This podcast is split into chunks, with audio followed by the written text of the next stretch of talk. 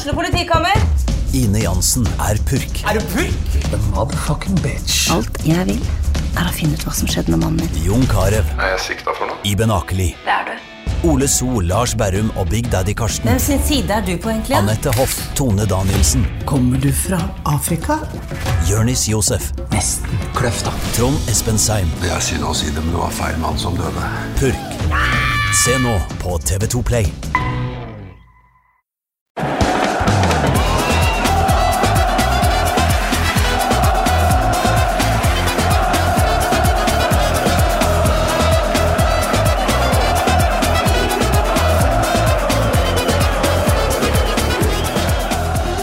Gelukig nyvjar allemal. Tilbake til Pyro Pivo etter eh, juledvalen. Mitt navn er Morten Galaasen, og med meg i dag så har jeg ikke noe som helst uvanlig vesen, nemlig Paul Thomas Clay.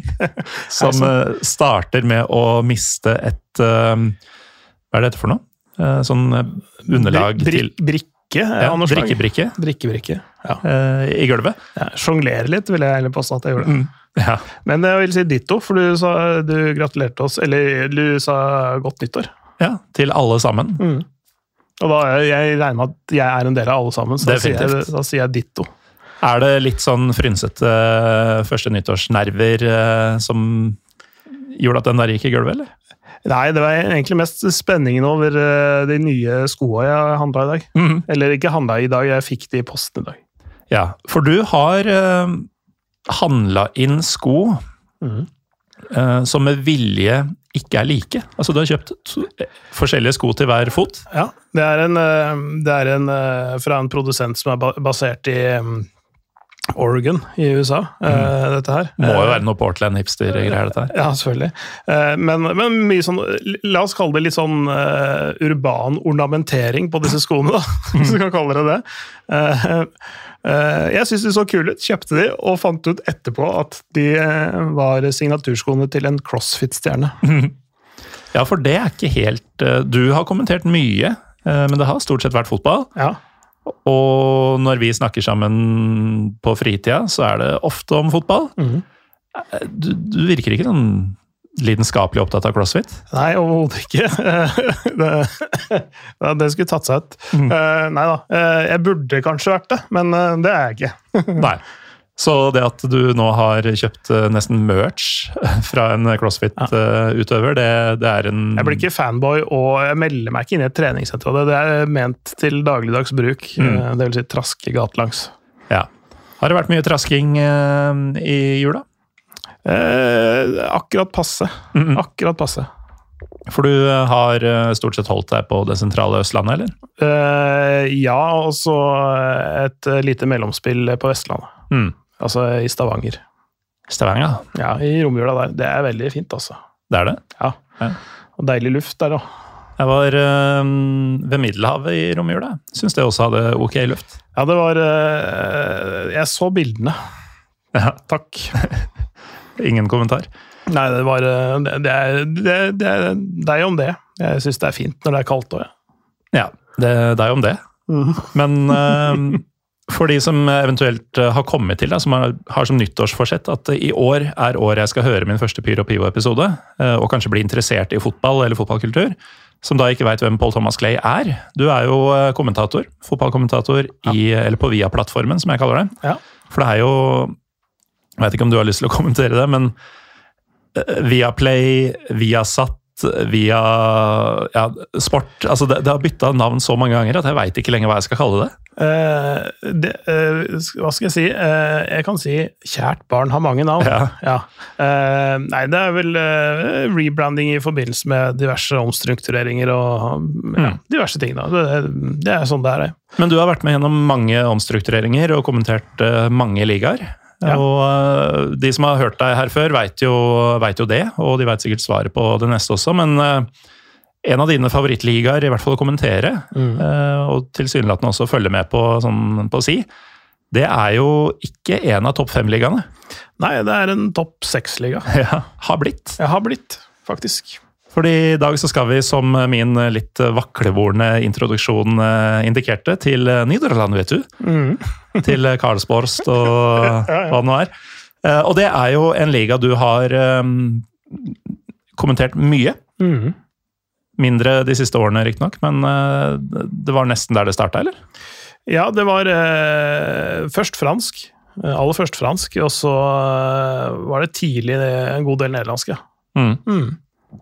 Og da mm, Altså, ikke bare har du kommentert nederlandsk fotball med eh, genuin interesse, men du har jo også litt eh, familiære årsaker til å følge litt ekstra med, med der. Ja, eh, Brutter'n flytta dit i 1996, så det begynner jo å bli ei stund siden. Eh, og mens han var student i Arnhem, så var han faktisk stadion, stadionvakt på Hellre Dome. Mhm.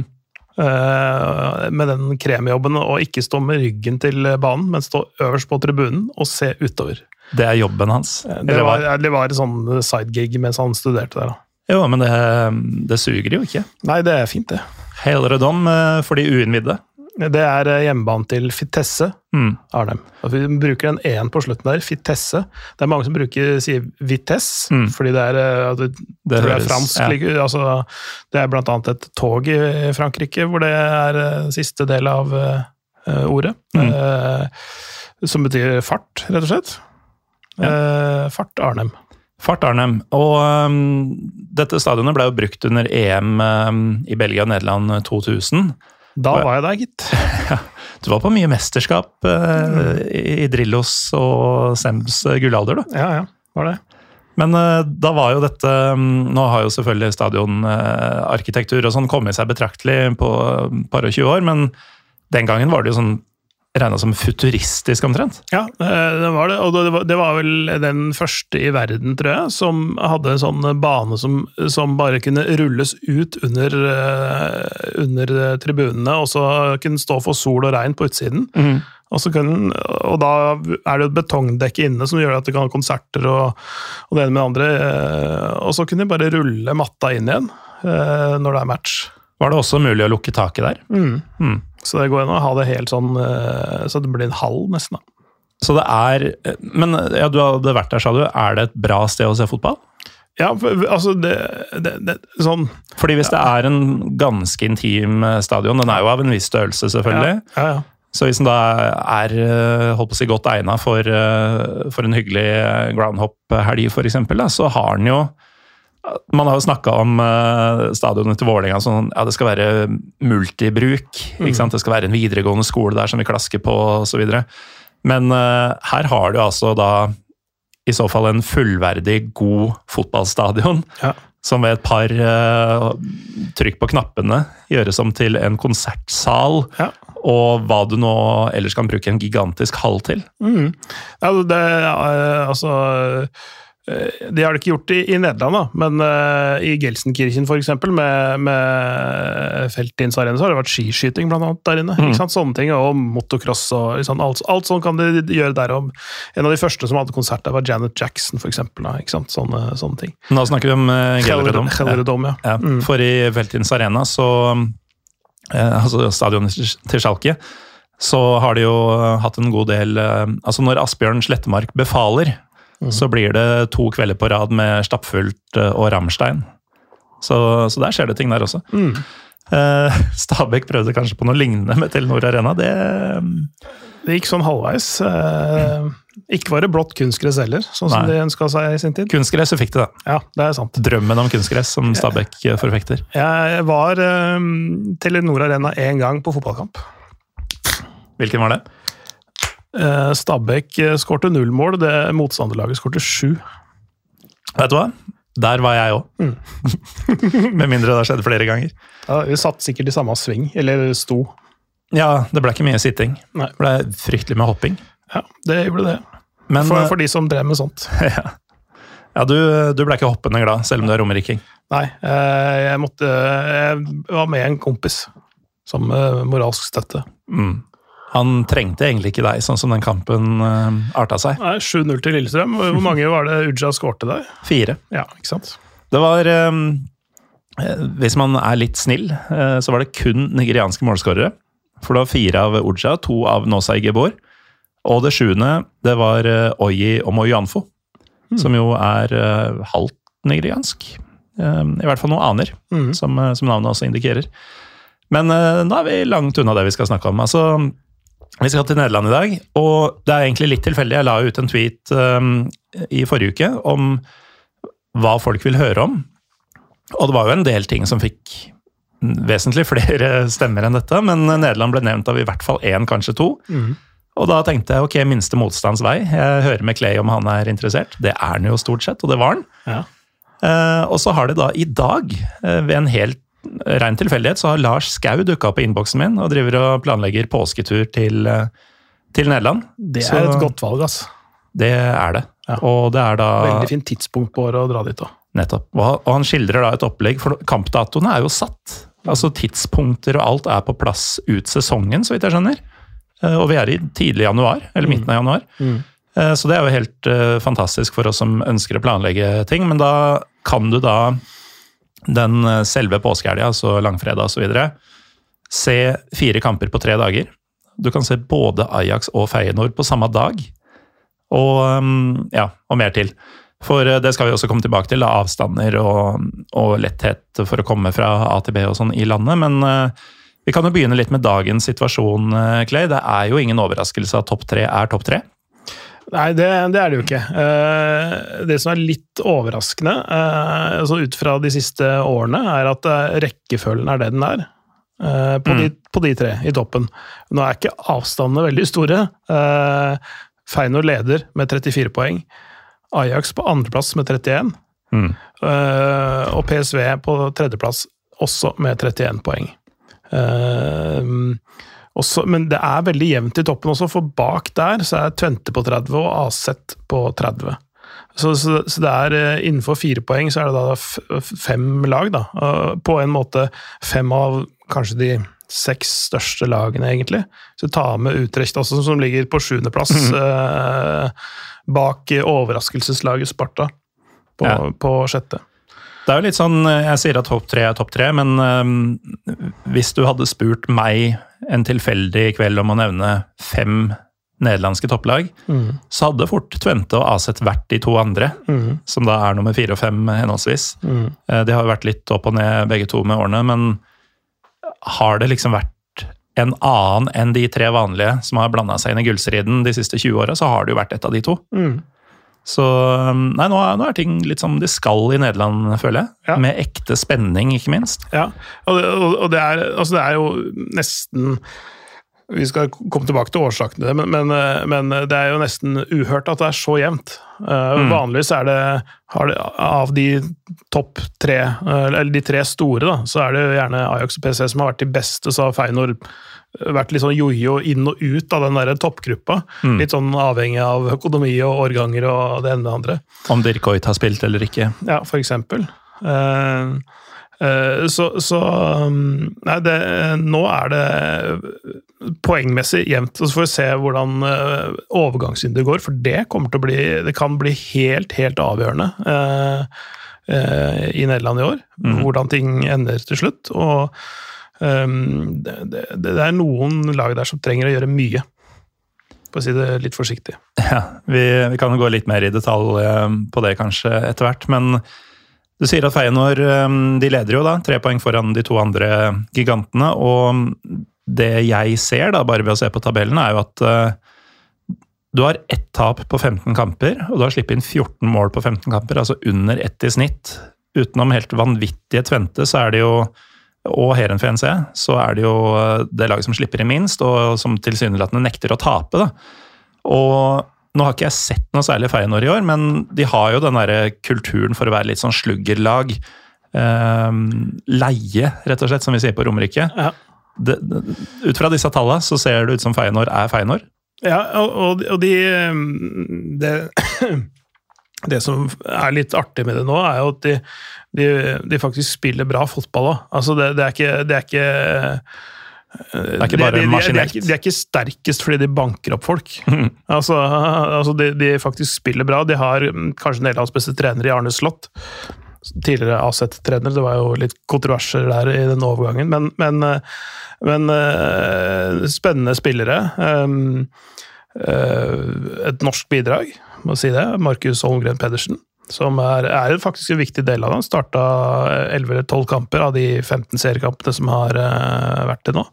Så han er en viktig del av det, eh, det er gøy. Vi er jo på Twitter begge to, og der er jo folk veldig glad i å bruke mm, forkortelser på spillere. Innimellom så gjør jo folk det, hvis det er landskamper og sånn, så bruker de det på eh, Pedersen også. Ja. Og jeg skvetter hver gang, fordi han har de samme initialene som eh, Nasjonalistisk Folkeparti i eh, Tyrkia. MHP. Ja. Mm.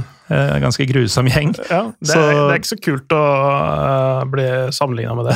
Plutselig ser du Tobias Dale eller Johan Sjøbakk Lund eller noe som driver og prater om MHP, og bare hva faen er det som foregår nå?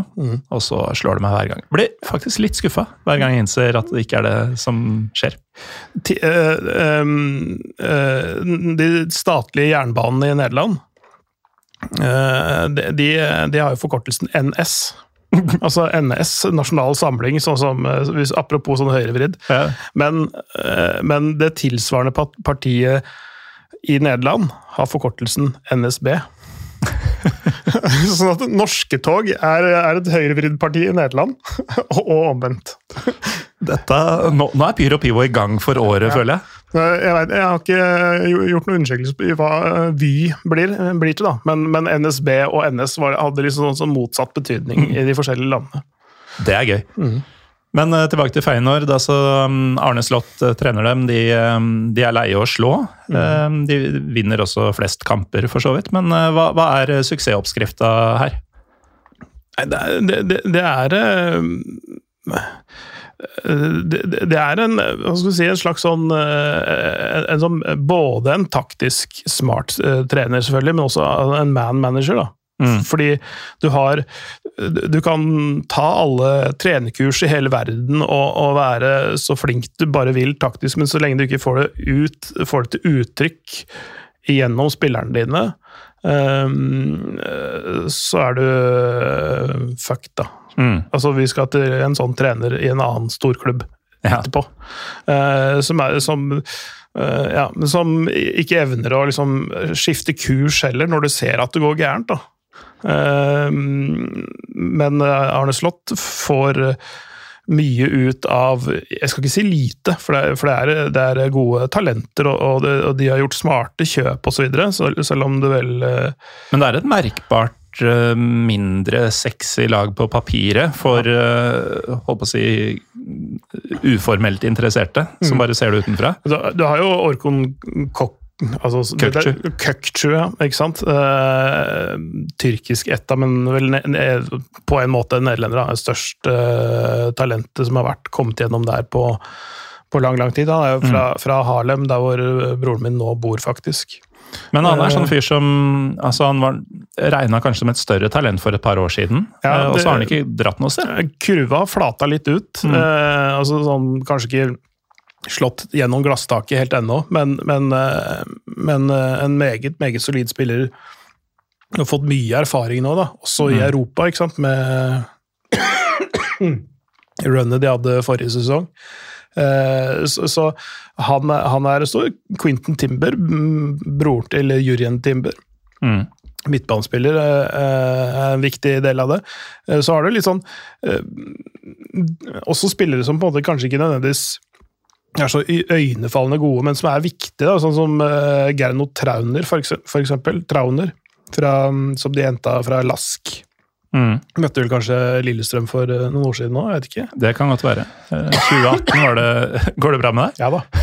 Bare litt rusk i halsen. 2018 var det LSK spilt mot dem. Ja, Så- da var han der. Mm. Så eh, en sånn eh, ja, altså, Det er ikke noe sånn derre sånn world beater, men, men solide spillere som på en måte gjør, gjør en ærlig innsats, og, og så har du krydra med noen, noen eh, litt eh, mer spennende eh, spillere, da. Fall framover er det ganske gøy. Ja.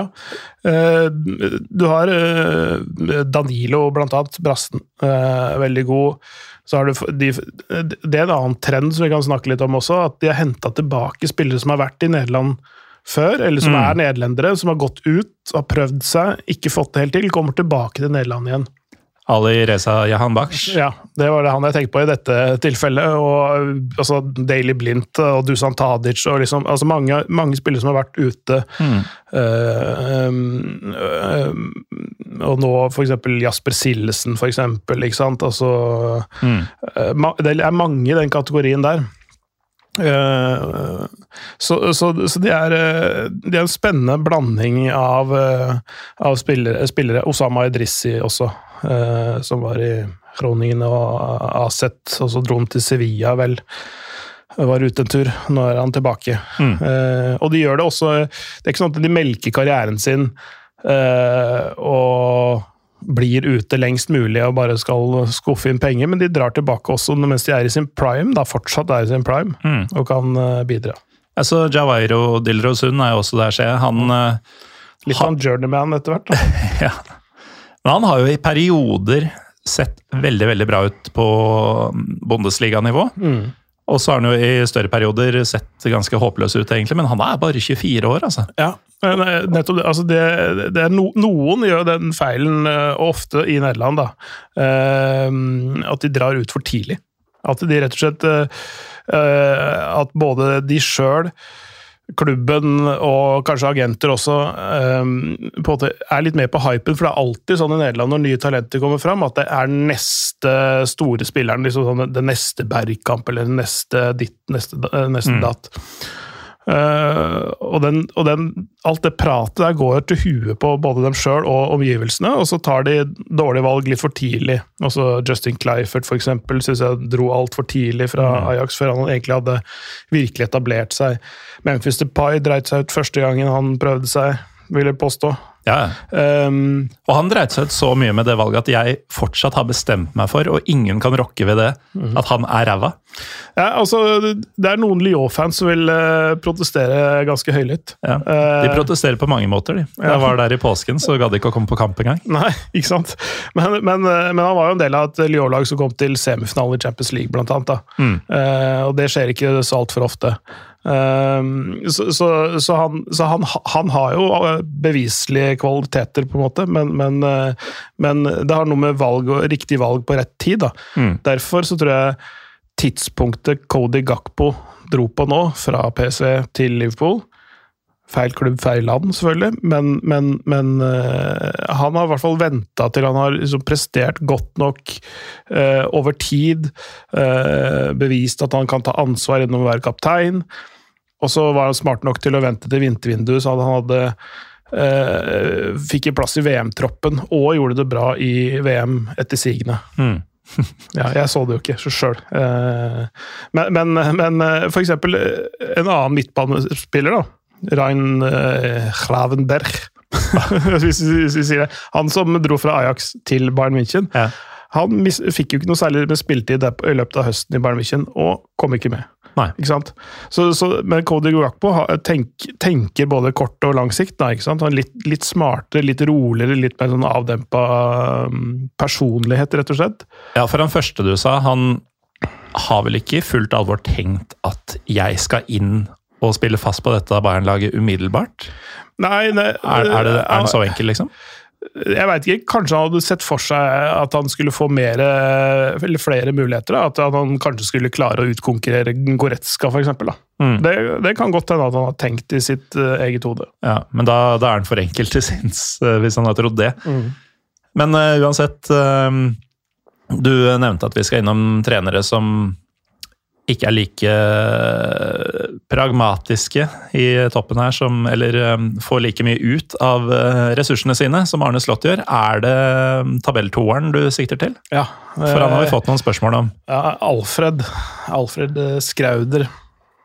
Skredder, eller? Ja, nei, det veit jeg ikke.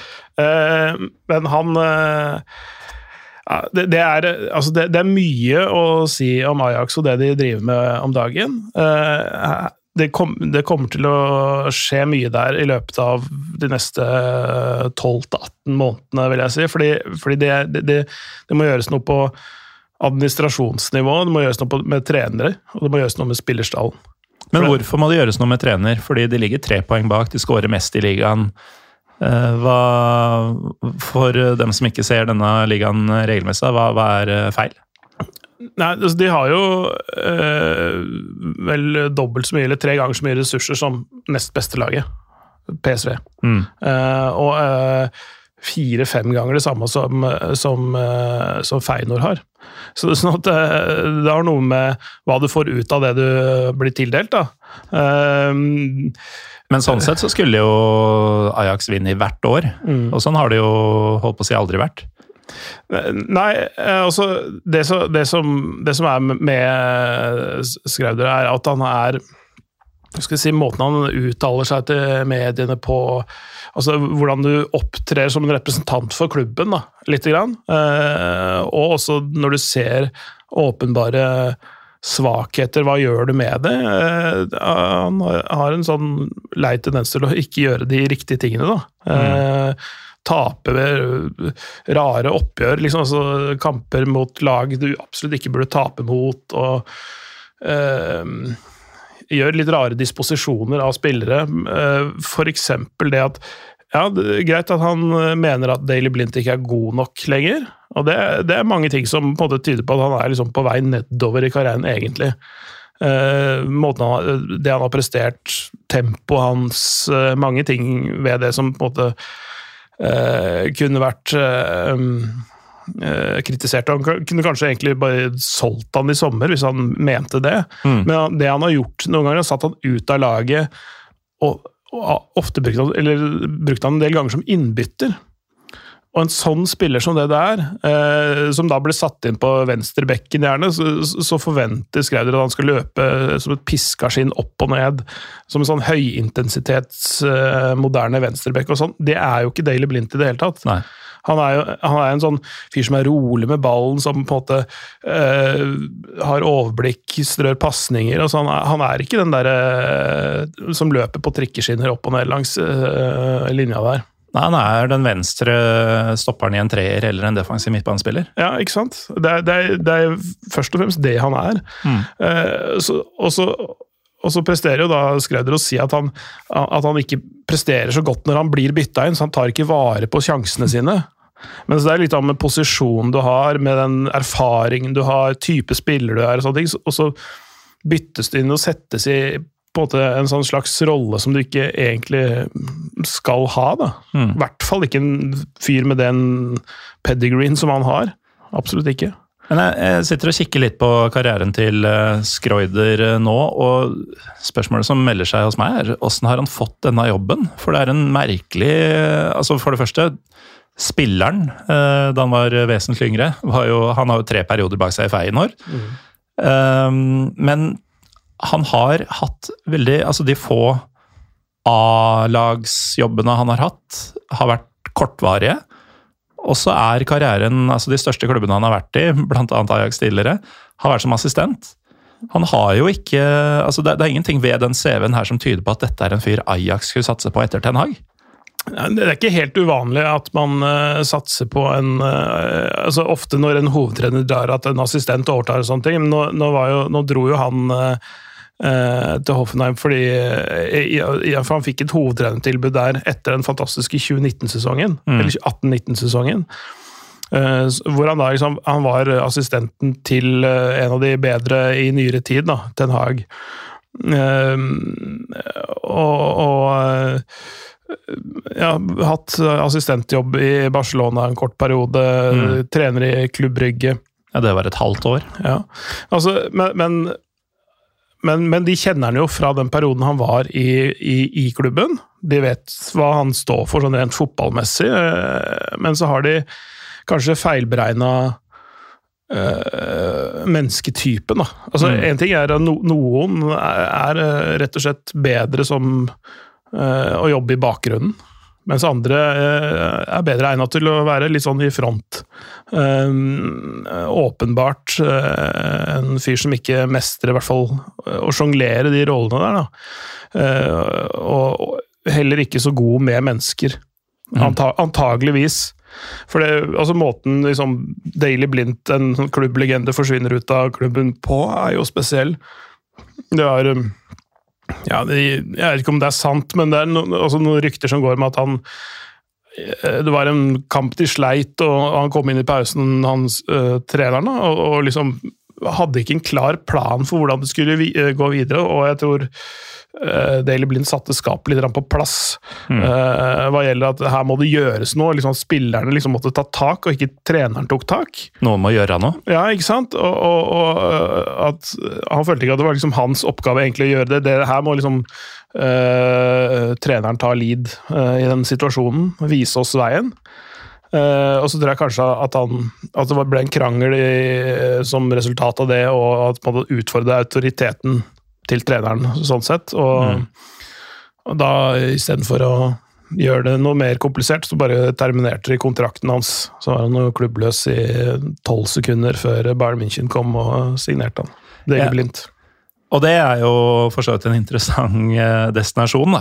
Fordi hvis han virkelig er såpass på vei nedover som, eh, som enkelte hevder, så er det ikke Det er ikke Bayerns eh, MO å plukke opp eh, folk som er på vei den veien. Nei, eh, det, det de nok Tanken bak det er nok en slags sånn type mentorrolle, tror jeg, mer enn noe annet. eh, Fordi han har både altså, eh, eh, Nagelsmann gjør ikke dette her uten å ha snakka med fyren. liksom. Altså, Han veit jo hva han driver med.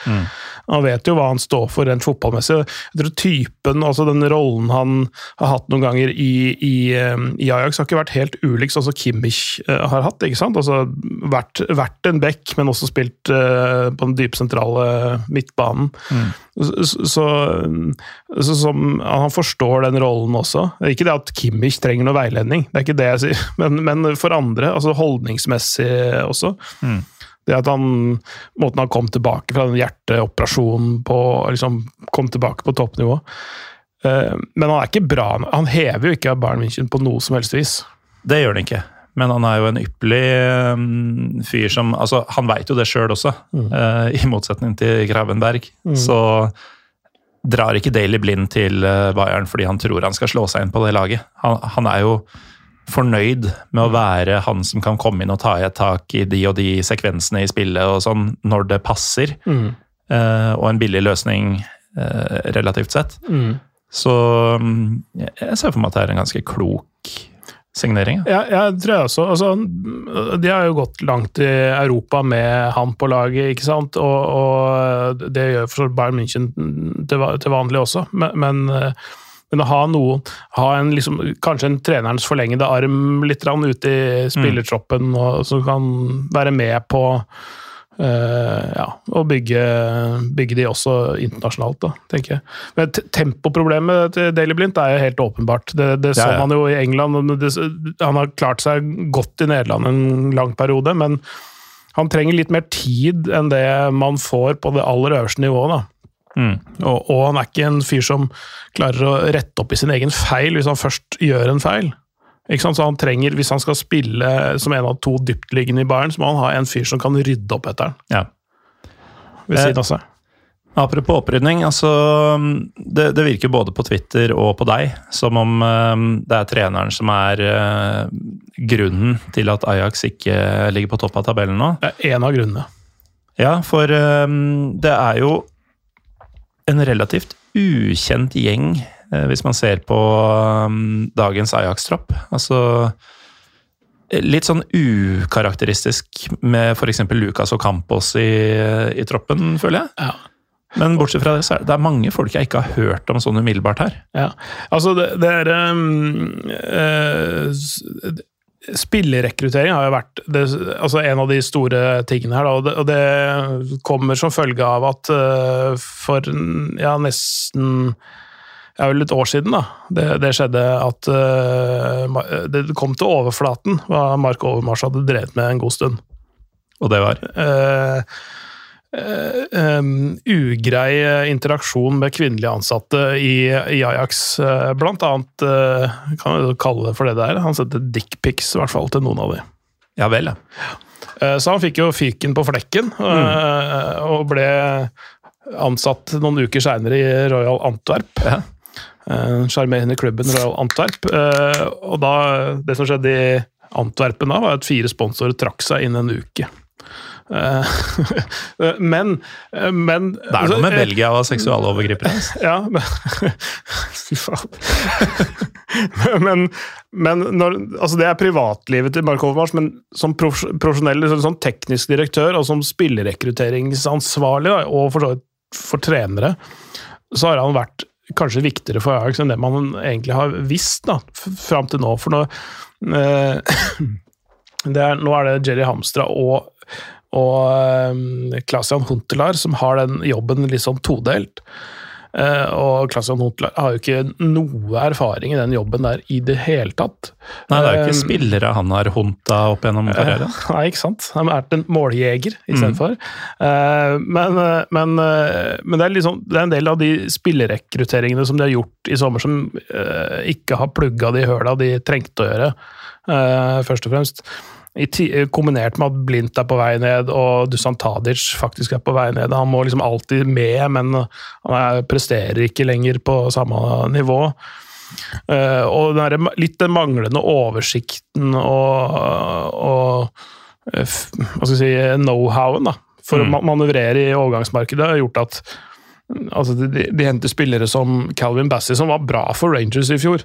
Det er ikke noe, det er ikke noe med det, men han, han er en, en stopper som ikke har roa i det hele tatt når han har ballen i beina. ikke sant? Og, og, og Ajax sitt angrep det starter i backrekka. Mm. Ikke sant? Og du må ha folk som eh, håndterer ball, eh, og som er komfortabel med å ha ball i beina. Og det Daily er, Blind. Ja, ikke sant? For eksempel. Mm. Uh, um, og det, også, det er en grunn til at eksempel Matheis de Licht i sin tid i yngre år i Ajax ble satt på midtbanen for å øve opp ballkontrollen, så at han seinere kunne bli en god stopper Mm. med ballen i beina. Det, er, det er sånn de, det, sånn de tenker i Ajax da, når de utdanner spillere. Få de til å mestre flere aspekter av spillet. Så er det andre, andre rekrutteringer som er høyst middels, da. Eh, altså Florian Grilic ja, har noen kamper i Bundesligaen, da, eller mer enn en håndfull òg. Altså, ikke noe dårlig spiller, men ikke den spilleren de trengte.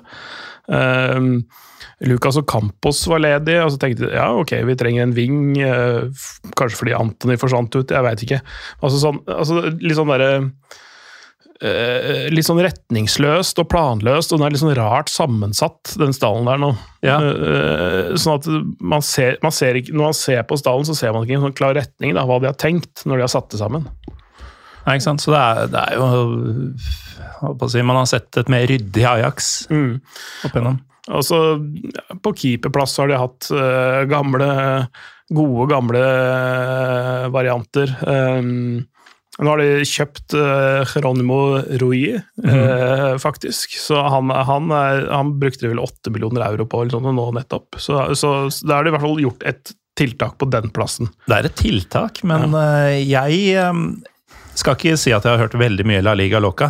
Nei. Men jeg husker at uh, for noen år siden så sa Petter Wæland faktisk, han brukte ordet 'ræva' om uh, nettopp denne keeperen. Det smeller godt når du Han har ikke blitt der- bedre den- de siste åra, altså han var jo ikke ung da. Nei, smeller godt med den der Odda-r-en uh, inni der da. Han er ræva! Mm.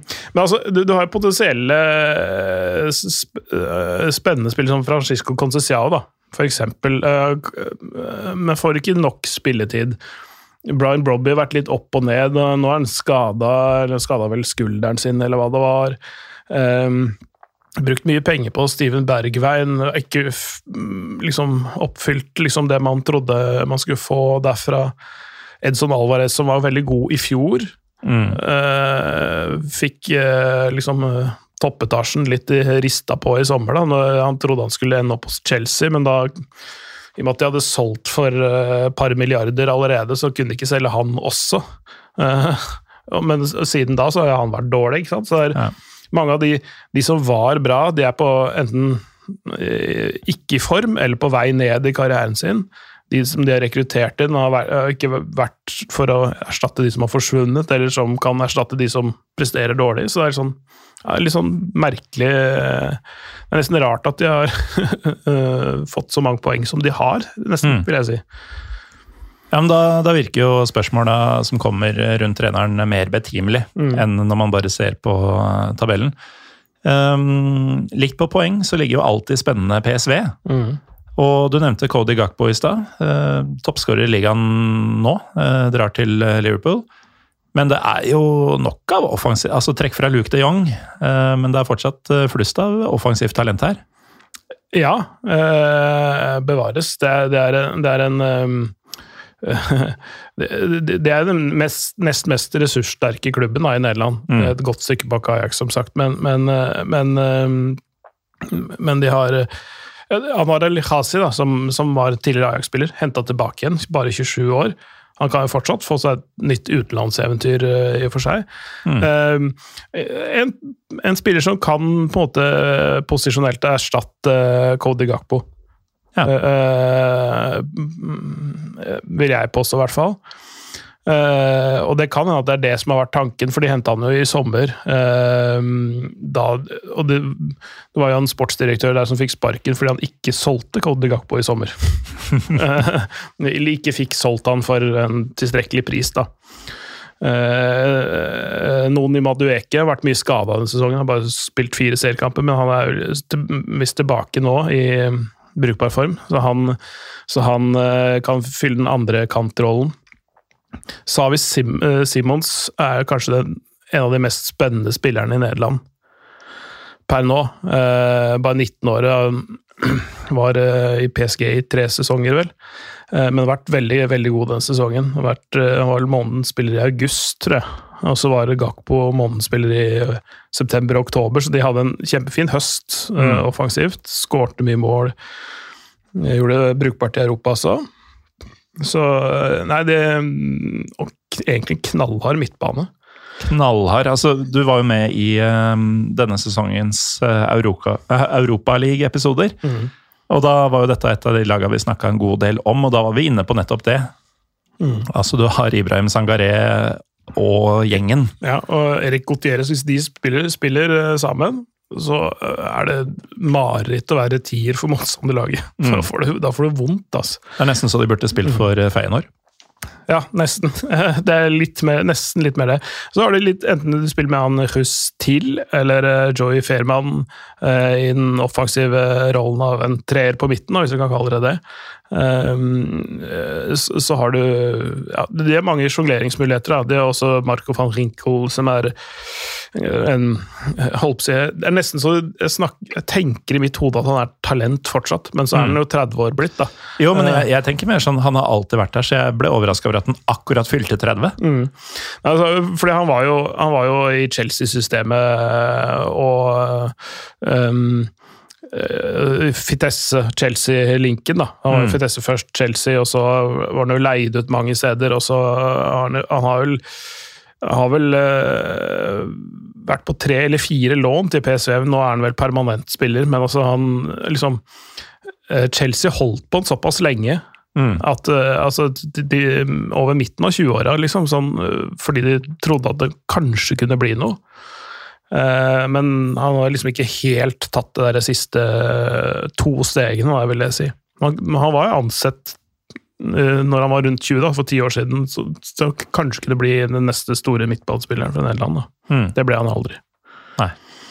Um, hvis vi altså får mer om PSV, så henviser jeg egentlig bare til uh, høstens europaligaepisoder. Men uh, hvis vi kikker litt på Vi har fått inn en del innspill fra, fra Twitter, men hvis vi kikker litt på um, Tvente og Aset, mm. uh, som er eh, rett i uh, ræva på, på, disse tre nevnte. Altså, er det noe spesielt du vil trekke fram fra noen av disse? Uh, ja, altså Tvente Vi kan jo komme tilbake til når vi skal til uh, lokaloppgjør som, mm. som uh, Eller kule rivaloppgjør eller et eller annet sånt noe som, som ikke innbefatter de tre store. Ja. Og Apropos de tre store, vi nevnte det ikke, men jeg må bare få sagt at Feyenoord spiller fortsatt på The Coip. Ja. riving og sånn, det er på planene, men det har fortsatt ikke skjedd. Nei, det, og det skjer ikke eh, med det første heller. Altså det er, eh, Den nye stadion er vel under oppføring, men den er ikke på langt nær klar. Så det blir jo i hvert fall denne sesongen og neste, tenker jeg. Mm. Uh, den, men den er sliten, og de, de, de, holder jo igjen på hva skal vi si, vedlikehold fordi de veit at de skal flytte til et nytt sted etter hvert. Men mm. det er et godt tips, da. Hvis du først skal til, eh, til Nederland for å se fotball, så er The Cup et, et av stedene.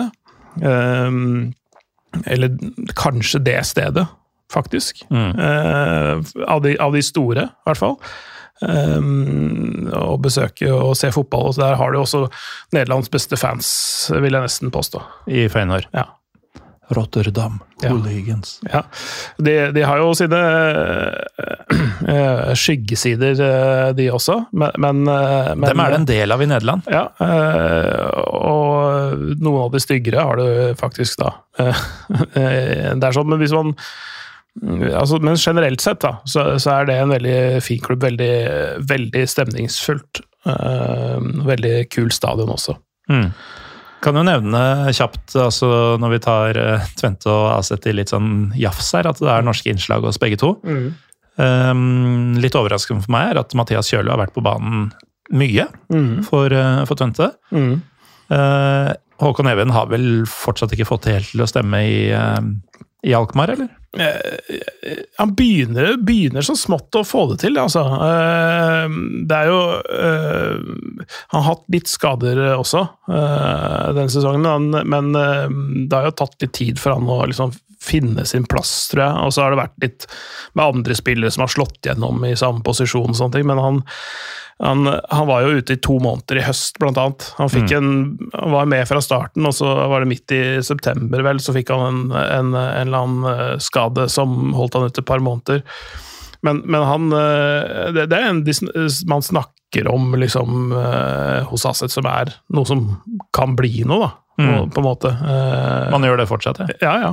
Uh, og han er jo bare 22, ikke sant. Mm. Så han uh, det, det er en veldig fin klubb å, å være i for å liksom ta eh, sånn, Kall det et mellomsteg. Da. Nå var jo dette mellomsteget litt lenge for hans del, men, men, men han ehm, Det er absolutt et veldig fin klubb å være i hvis han vil opp og videre. For så vidt et godt sted å bare være også. Mm. Ja, altså Alkmaar by tenker du på, eller? Ja, og det, ja, for så vidt. eh, Du kan jo bo, trenger ikke å bo i Alkmaar heller for å, for å, for å spille der. Eh, men men eh, mest, mest med tanke på sånn rent sportslig, da. Mm. Avstanden er jo så korte, ikke sant, i, i, i Nederland. Så om du bor i Amsterdam eller Harlem, som Jordi Klasi gjør, lagkameraten til Håkon Evjen. Mm. Så Det er ganske hardcore at du veit hvor Aset-spillere bor. Ja, men altså akkurat fordi eh, Jordi Klasi er et sånn special case, da.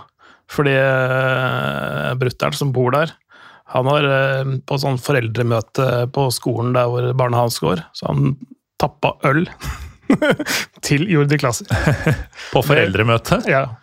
Det, det skal drikkes øl på foreldremøte. Det er en av mine kampsaker eh, som For, sånn eh, foreldrefest eller foreldremøte, eller hva det var. For, Mm. Var i hvert fall en sånn type anledning hvor uh, Jordi Klasi ble servert av brutter'n. Ja, Det er sært og smått, men det er vel derfor det er derfor du er her, på Thomas. Ja. uh, apropos sært og smått, vi har jo fått en del innspill på Twitter, og vi, vi kan jo starte med det sære og små. Fredrik H. Flå, eh, han uh, spør hvordan går det med Jizz? Ja, Og det er jo kanskje et veldig personlig spørsmål. Uh, jeg, jeg, jeg, jeg vet jo ikke hva han sikter til, men det, det fins jo en, en Han bruker stor J, da. Ja, altså Jizz Og det, jeg tipper kanskje at det er jizz hornkamp jeg, da. Eh, ja, det var det jeg tenkte. Ja, da er det ikke så personlig. Det var min, det var min første innskytelse. Is. Ja, Giz Hornkamp, ja, tenkte jeg, og så, så sjekka jeg hvordan det går med han. Nå brukte du ordet innskytelse eh, omtrent samtidig med Giz, eller Jizz. Ja. Mm. Var det med vilje? Nei, det var ikke det. Nei, det, det bare kommer eh, Det bare, Det bare kommer naturlig. Ja, det kommer naturlig. Nei, men, men han Nå skulle vi hatt noe pastis. Ja, men det, det er til den franske episoden som kommer Mm. litt seinere, tenker jeg. Ja. Men jo, eh, hva sa du? Giss Hornkamp? Ja, Det er en fyr som heter det? Ja. Uh, spi- spilte Jeg vet ikke om han rakk å spille med Martin Ødegaard, det, tror jeg kanskje ikke han gjorde. for 18-19-sesongen spilte han i Heerenveen og, og tre år i Den Boss, vel. Og så gikk han til William Tvei eh, på ja, for kanskje et år siden, cirka. Ja, i vintervinduet i fjor. Så han spiller der nå. Men Er dette et stort talent man har snakka om, eller er det bare en helt holdt på å si tilfeldig spiller som Fredrik eh, drar fram her. Nei, jeg veit ikke. Hvis det er det han drar fram, da. Hvis det er han han snakker om, så, så kan det jo Altså, det er ikke noe Han har ikke noen U-landskamper eller sånt for Nederland, men han, han var i Ajax-systemet i sin tid. Fram til han var 16. Mm. Eh, Så en, et eh, sveip innom Aset et års tid før han dro til Henfen og etter hvert ble mann der, da. Han er bare 24 år og ja, en sånn ok karriere. Apropos Heerenveen, eh, noe jeg har glemt å fortelle deg, er at jeg inviterte en fyr til til denne podkasten. Ja. Nemlig Thomas Holm, Ja, gamle Heerenveen-spilleren. ja. ja. Eh, Han eh, brukte sånn åtte timer eller noe sånt på å svare, mm. men det viser seg å være tidsforskjellrelatert. ja. For han eh, ligger og drikker eller koser seg i hvert fall på en øy i Karibien han nå. Kan ikke tenke meg at Thomas Holm drikker. Ikke jeg heller. Um, men sånn var det med Derfor er vi bare oss to, da. Ja. Fordi han tar seg ferie. Og jeg valgte altså jeg, jeg drev og så gjennom sånn liste over tidligere norske Nederland-proffer. Og så tenkte jeg sånn Av de som fortsatt spiller, så er jo altså Jeg tror Vålinga har noen Flere av klubbene rundt her har noen, da. Men enten så er det reisevei inn til Oslo for å være med, eller så er de på treningsleir på Marbella. Og så tenkte jeg sånn Thomas Holm han er trener for Nordstrand i tredjedivisjon. Mm. De er faen ikke på Marbella. Dette er en safe bet. Er i Karibien, ja. Så det, det, ville seg godt, liksom ikke. Godt betalt trenerjobb i Nordstrand. Ja, tydeligvis. Østkantens vestkant. Uh, men uh, nei, men, men Heerenveen har jo vært en, en eh, Ikke pga. at eh, disse fotballspillerne også er så veldig gode gode på skøyter, men, men det har vært en norske klubb, da. Gang, Mm, vært mange der. Ja. Uh, Nicolay Næss, ikke minst. Han vurderte jeg å høre med, Ja. men jeg tenkte at um, han har bare ti kamper. Ja. Og jeg tror aldri jeg har sett et intervju med fyren. Nei. Så hadde han er sikkert gørre kjedelig. Helt sikkert. Ja, han har hatt en litt morsom eh, karrierevei, han òg, da. Eh, og så har du selvfølgelig Thomas Holm og Daniel Berg Hestad og André Hansen, eh, vel? Eh, er det ikke han heter? Keeperen til Rosenborg. Nei, han eh, ah, Midtbanespilleren fra gamle dager, Ja, som var i Glimt og sånn. Ja. Og Tromsø, tror jeg. Mm. Var han i begge to? det kan godt hende. Det tror jeg faktisk. Men det er han, ja. Ja. Uh, og Martin Ødegaard og Morten Thorsby og, og ja. Det har blitt noen i Herrenfeen. ja. Men uh, altså, forrige spørsmål var hvordan går det med Jizz? Kristian er, Christian Grindheim, må vi ikke glemme. jo, han kan vi godt glemme. Ja. Men uh, vi har et tilsvarende spørsmål med samme ordlyd, bare med en annen fyr. eh, fra Bjørn Rudshagen. Hvordan går det med Fokie Boy? Og jeg trodde jo først at eh, han spør fordi det er et morsomt navn. Mhm. Men så kunne du fortelle at uh, det er antagelig mer empati i spørsmålet fra Bjørn enn det jeg tenkte. Ja, uh, altså han, han er uh, Jeg vet ikke om han formelt sett har den tittelen lenger. Han er teknisk direktør i Camber. Fienden til Heerenveen. ja, en, en av de tre der oppe som det er sånn triangel med Kroningen også. Mm. Eh, men, men han, eh, han fikk en eh, Ikke jernblødning, hva var det jeg kalte det for noe? sånn slag. Mm. sommeren eh, 2021, så det er halvannet år siden. Så det, antageligvis var det det han mente. Det var ikke et sånt henspill på det litt på norsk morsomme navnet, eller Mm. på engelsk morsomme navnet, da. Han nok, det var nok i empati for hans tilstand, ja. Ja. Som så Altså, Han er, han er erstattet som teknisk direktør, så han har ikke, han, jeg tror ikke han jobber som det nå. nei. Men han er fortsatt uh, i live, vet vi. Ja, i hvert fall, eh, det er i hvert fall det jeg har klart å oppdrive av informasjon. Mm. Åssen det går med en, det, det veit vi rett og slett ikke. Nei. Ehm, hvis vi skal fortsette på den litt smale sti, så kan vi godt snevre den litt mer inn, uh, Clay. Fordi Enda mer. Har du hørt om en fyr som heter Marius Helgå? Han skal man Ja. ikke ha overdose av, ifølge Trym Hogner. Ja, eh, han, han leverer varene, han altså. Han gjør det også med spørsmål han har sendt inn. Ja. Eller det er ikke et spørsmål engang, det virker mest, nesten som en krav. Eh, for han skriver rett og slett 'mest mulig om SMVV-Z-robben'. Altså, Og altså her tipper jeg vi snakker åttendedivisjon eller verre. Ja, det det er i hvert fall i, i bredden. Det er litt, litt sånn vanskelig å, å nivåbestemme, egentlig, breddefotballen. For det er liksom regionale litt, altså Det er jo for det her og, her på berget, men, men, men det, er, det er i bredden, ja.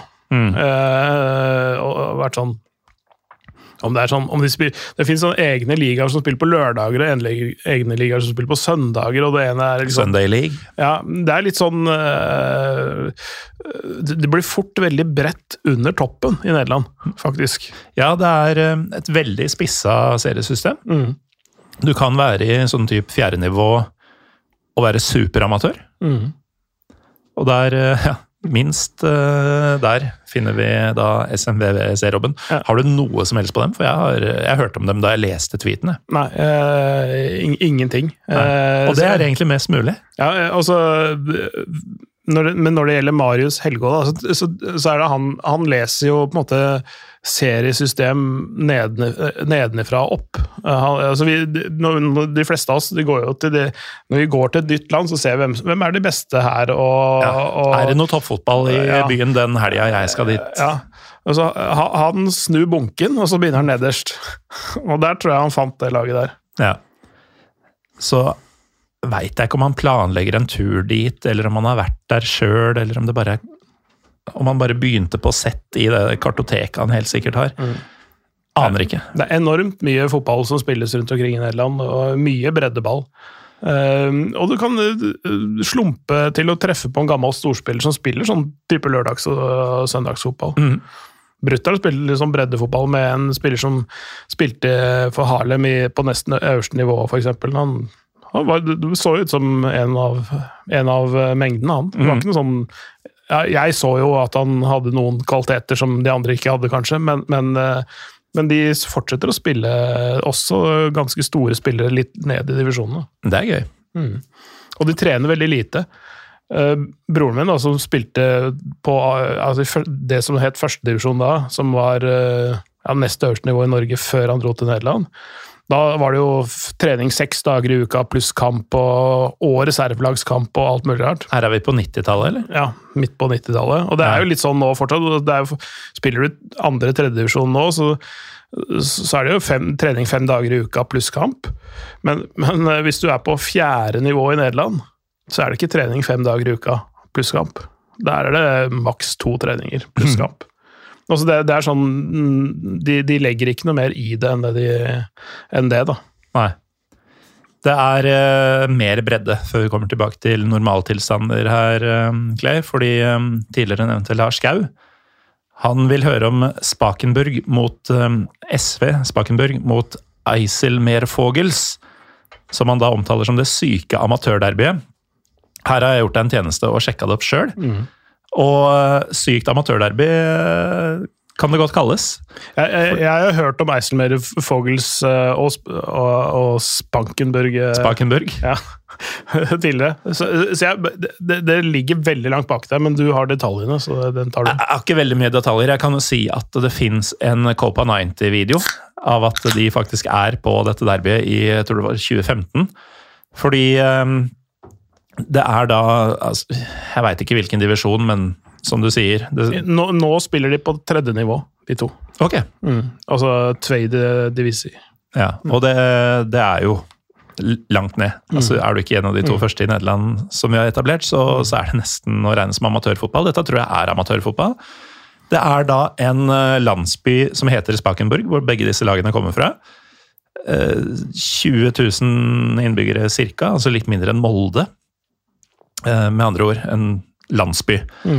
Og eh, begge disse lagene kommer fra Spakenburg. SV Spakenburg blir kalt noe sånt som eh, altså bøndas lag. Mens uh, Eisenbiervogel Nå har jeg lagt bort telefonen, så jeg har det ikke foran meg. Noe sånt. De er da folkets og fiskernes lag. Og her har det gått for seg, skjønner du. For i 1987 så ble det kasta en bombe inn på banen fra det ene lagets supportere. I en, ja, om det da var fjerdedivisjonskamp, eller hva det var. da.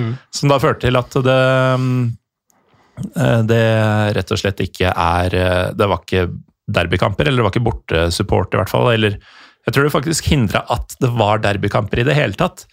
Som da gjorde at eh, Copa 90, som stort sett dekker de største og feteste greiene i verden eh, Dette er en YouTube-kanal, for de som ikke veit det.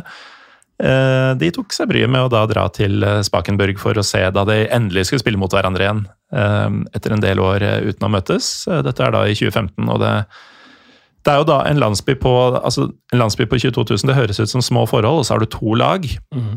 Men det som er litt spesielt her, er at det virker som om alle i landsbyen holder med et av disse to laga. Så det, det er en sånn splittende sak. Neste, altså, vi skal ikke eh, legge for mye i det, men, men det, det har jo litt de der samme skillelinjene. Så, altså, arbeiderne mot fiffen øh, skal ikke si ja, Jeg sier Ja, men her er det bøndene mot fiskerne. Ja, så det er ikke- ja. Jo, men, men, men, men jeg mener Eisenberg-Vogels kalles liksom Ikke nødvendigvis fiffen, men, men jeg tror det er litt mer de, de litt mer sofistikerte, da. Mm. Uh, altså the, the Clerks, tror jeg de kaller det. Eller Clarks, eller hva det er for noe, på engelsk. Mm. Uh, litt mer li, Altså litt Det tror jeg var Spakenburg, faktisk. Uh, ja, altså de, i hvert fall, det er i hvert fall de de, Det ene laget. de uflidde mot de pent kledde, da, hvis du kan kalle det Vålerenga, Lyn eller et eller annet sånt. Da. Mm. Uh, eller ikke helt Det har ikke den religiøse dimensjonen som de har i Glasgow med Rangers og Celtic, men, men det, er en, det er en sånn enten-eller-greie. Fredrik Koiman Dørr. Mm. Han uh, har opptil flere spørsmål. Vi har snakka litt om, um, om et par av tinga, men du har jo vært litt i Nederland, Pål Thomas. Hvilken stadion bør man besøke utafor de fire store byene? Først så vil jeg jo spørre, hva er de fire store byene? For jeg vet jo at Amsterdam og Rotterdam er to av dem. Store byene, uh, ja. Det er vel kanskje Haag. Uh, Ja, selvfølgelig. eh, kanskje han mener Eintoff, da, jeg vet ikke. Jeg vet ikke, jeg vet ikke om det er sånn, sånn tallmessig stort, da, men i hvert fall de, jeg vet ikke om de snakker om de store lagene eller eh, byene, jeg vet ikke. Men Han har et tilleggsspørsmål. Mm. Og hvorfor er det Herakles? ja, han, han, han mener det. Og jeg har jo snakka varmt om Pollmann stadion, som det vel heter, men så har det et sponsornavn nå som jeg ikke helt husker. Det høres nesten japansk ut, hvis jeg Jeg har ikke jeg har ikke jeg har lagt det på minnet, men i hvert fall Pollmann stadion, da, som man ville sagt, eh, er, er en sånn veldig intim stadion. Uh, Med sånn overbygg over he- hele tribunen så- sånn at lyden ble veldig eh, konsentrert. Uh, det er ikke sånn der, Det er ikke 90 000 kapasitet, jeg vet ikke om det er 20 engang. Men altså det er sånn en av de mest elektriske og intense stemningene jeg kan huske. var fra en av de kampene jeg kommenterte mens Herakles spilte hjemme. Nå ligger jo de i nest, på neste øverste nivå, så de får ikke, får ikke det lokalderbyet som jeg hadde tenkt å tipse om eh, litt seinere. Men, men eh, de ligger ikke så langt unna Tvente. Altså det, det, det er en kort tur Ja, mellom Almelo og Enskede. Enskede. Um, vi um, har jo fått inn en hel del her. Det, um, siden du nevnte de ligger i, ehm, på andre nivå, det er det som er Erste-divisjon, ikke sant? Mm. Du har æresdivisjonen, og så har du førstedivisjonen. Kauken Campion eh, Divisi, eller hva det kaller det for noe. Ja, for det er jo noen, bl.a. blant annet Endre Thorvaldsen, som eh, lurer litt på dette med opprykk til Erste Divisie. Og vi har vært litt inne på det, at det er en veldig spissing her. Mm. Men uh, hans inntrykk er jo at uh, opprykk til Erste, Mm. Det er ikke helt lett, og det er ikke noe mange trakter etter heller, virker det som. Nei, det, det, er nettopp det siste der som er eh, nøkkelen. For, for det handler litt om sånn, sånn lisenskrav og at det er dyrt å rykke opp. For det er sånn du må ha Det er såpass stor forskjell på første og resten Ja. at her må ting være på stell. Du kan ikke komme drassende med Nadderud. Ja, og det, er, og det er liksom sånn Det er ikke alle som ønsker, ønsker seg dit heller, fordi, fordi spranget er, eh, er dyrt og stort. da. Eh, eh, jeg veit ikke helt om den ordningen er sånn lenger, men, men for, for bare noen få sesonger siden så var det sånn at de som på en måte lå an til opprykk, eller som kunne tenke seg sånn rent faktisk å kunne rykke opp mm, ut fra posisjon på tabellen, måtte melde seg som en sånn kandidat til, å melde, til å rykke opp midtveis i sesongen. Og hvis en av de lagene som hadde meldt seg, eh, faktisk vant, eh, eller kom i, på, på opprykksplass, da, eh, i den der på tredje nivå, så kunne de rykke opp. Hvis de ønsket det, og faktisk havna på den plassen. Eh, så det er ikke sikkert at du rykker ned fra det neste øverste nivå. Selv om eh, for, det er ikke sikkert at det laget som havner på opprykksplass, har ønsket å rykke opp. Nei. Så det er eh, Så de kan, de kan velge om de vil rykke opp eller ikke, når man eh, på en måte havner på opprykksplass. da. Men da må du ha sagt på forhånd at du er Ja. interessert i å rykke opp? Mm. Eh, Litt for at laga i Ereste skal vite at det er noe å kjempe om i bånn der? Ja, jeg, altså det, det, er hele- det er sånn grøtete forklaringer. Jeg, det, jeg har snakket med flere om dette, her, og det, de, det er ingen som klarer å liksom komme med en slags logisk forklaring på det, så jeg har liksom ikke helt kommet inn til kjernen av, av greiene. Du må sikkert få en eh, byråkrat fra eh, KNVB, altså Nederlandske Det kongelige nederlandske fotballforbundet. Få konkurransedirektøren i KNVB til ja. å forklare oss dette her. Nederlands uh, fiskekjønn. Ja, noe sånt. Å, fy faen. Eh, en ting du kanskje kan si noe logisk om, er dette kunstgressforbudet som Ja. har blitt uh, lansert i Nederland.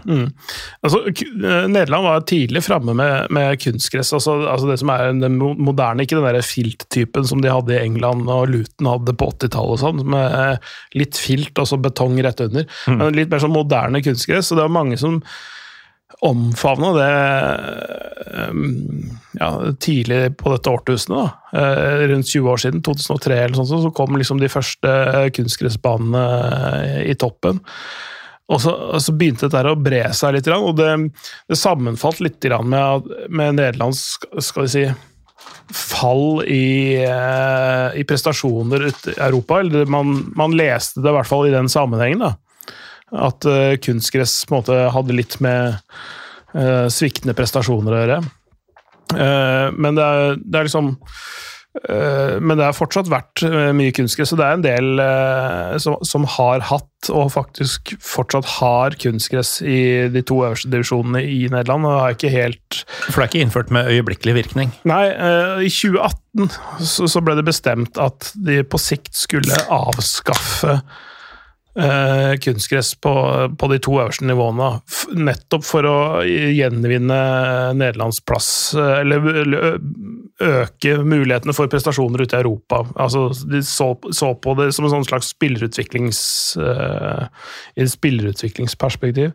Så de, de, har, eh, de vedtok en støtteordring hvor alle lag som velger å gå bort fra kunstgress og over til naturgress, eller en sånn hybridgress som de kaller det. Altså der hvor det er eh, vanlig gress, men sydd inn litt eh, kunstgress, sånn at de er mer holdbare. Men for at banen skal holde en viss standard som gressmatte, eh, så har de innført en støtteordning hvor du får 350 000 euro for å legge om. Da. Mm. Um, og og, og det, det tas fra et fond hvor nederlandske lag som er med i Europa, betaler en viss prosentandel av det de tjener på gruppespill, og, og en annen prosentandel av hva de tjener på utslagsrundene, eh, hvor de legger de pengene i en pott som gjør at alle andre lag som ikke er med i Europa, og, og som har kunstgress, kan liksom legge om sånn at det, det blir gress eh, overalt. da.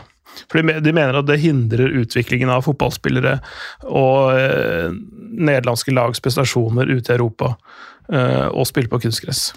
Ja, og så slutter vi på en måte en ring her. Fordi du nevnte tidligere at det var en topp seks-liga. Og jeg sa at det har blitt. Og det har jo blitt det nettopp etter denne bestemmelsen. Ja, om det, at, det, kom eh, i, det kom i 2018, dette vedtaket, så, og, og siden det så har det jo altså, Igjen så er det, det er litt vanskelig å Det er ikke eksakt forskning i dette, her, det ville sikkert blitt slakta av noen sånne, um, sånne forskningstekniske eh, kompetente mennesker. Eh, altså, altså høna og egget-greier, da. Men, men um, Vi er tabloide nok til å Ja. De mente at, det, at innføringen av kunstgress svekket Nederlands eh, utvikling av fotballspillere og derav prestasjonen på landslaget og ute i Europa.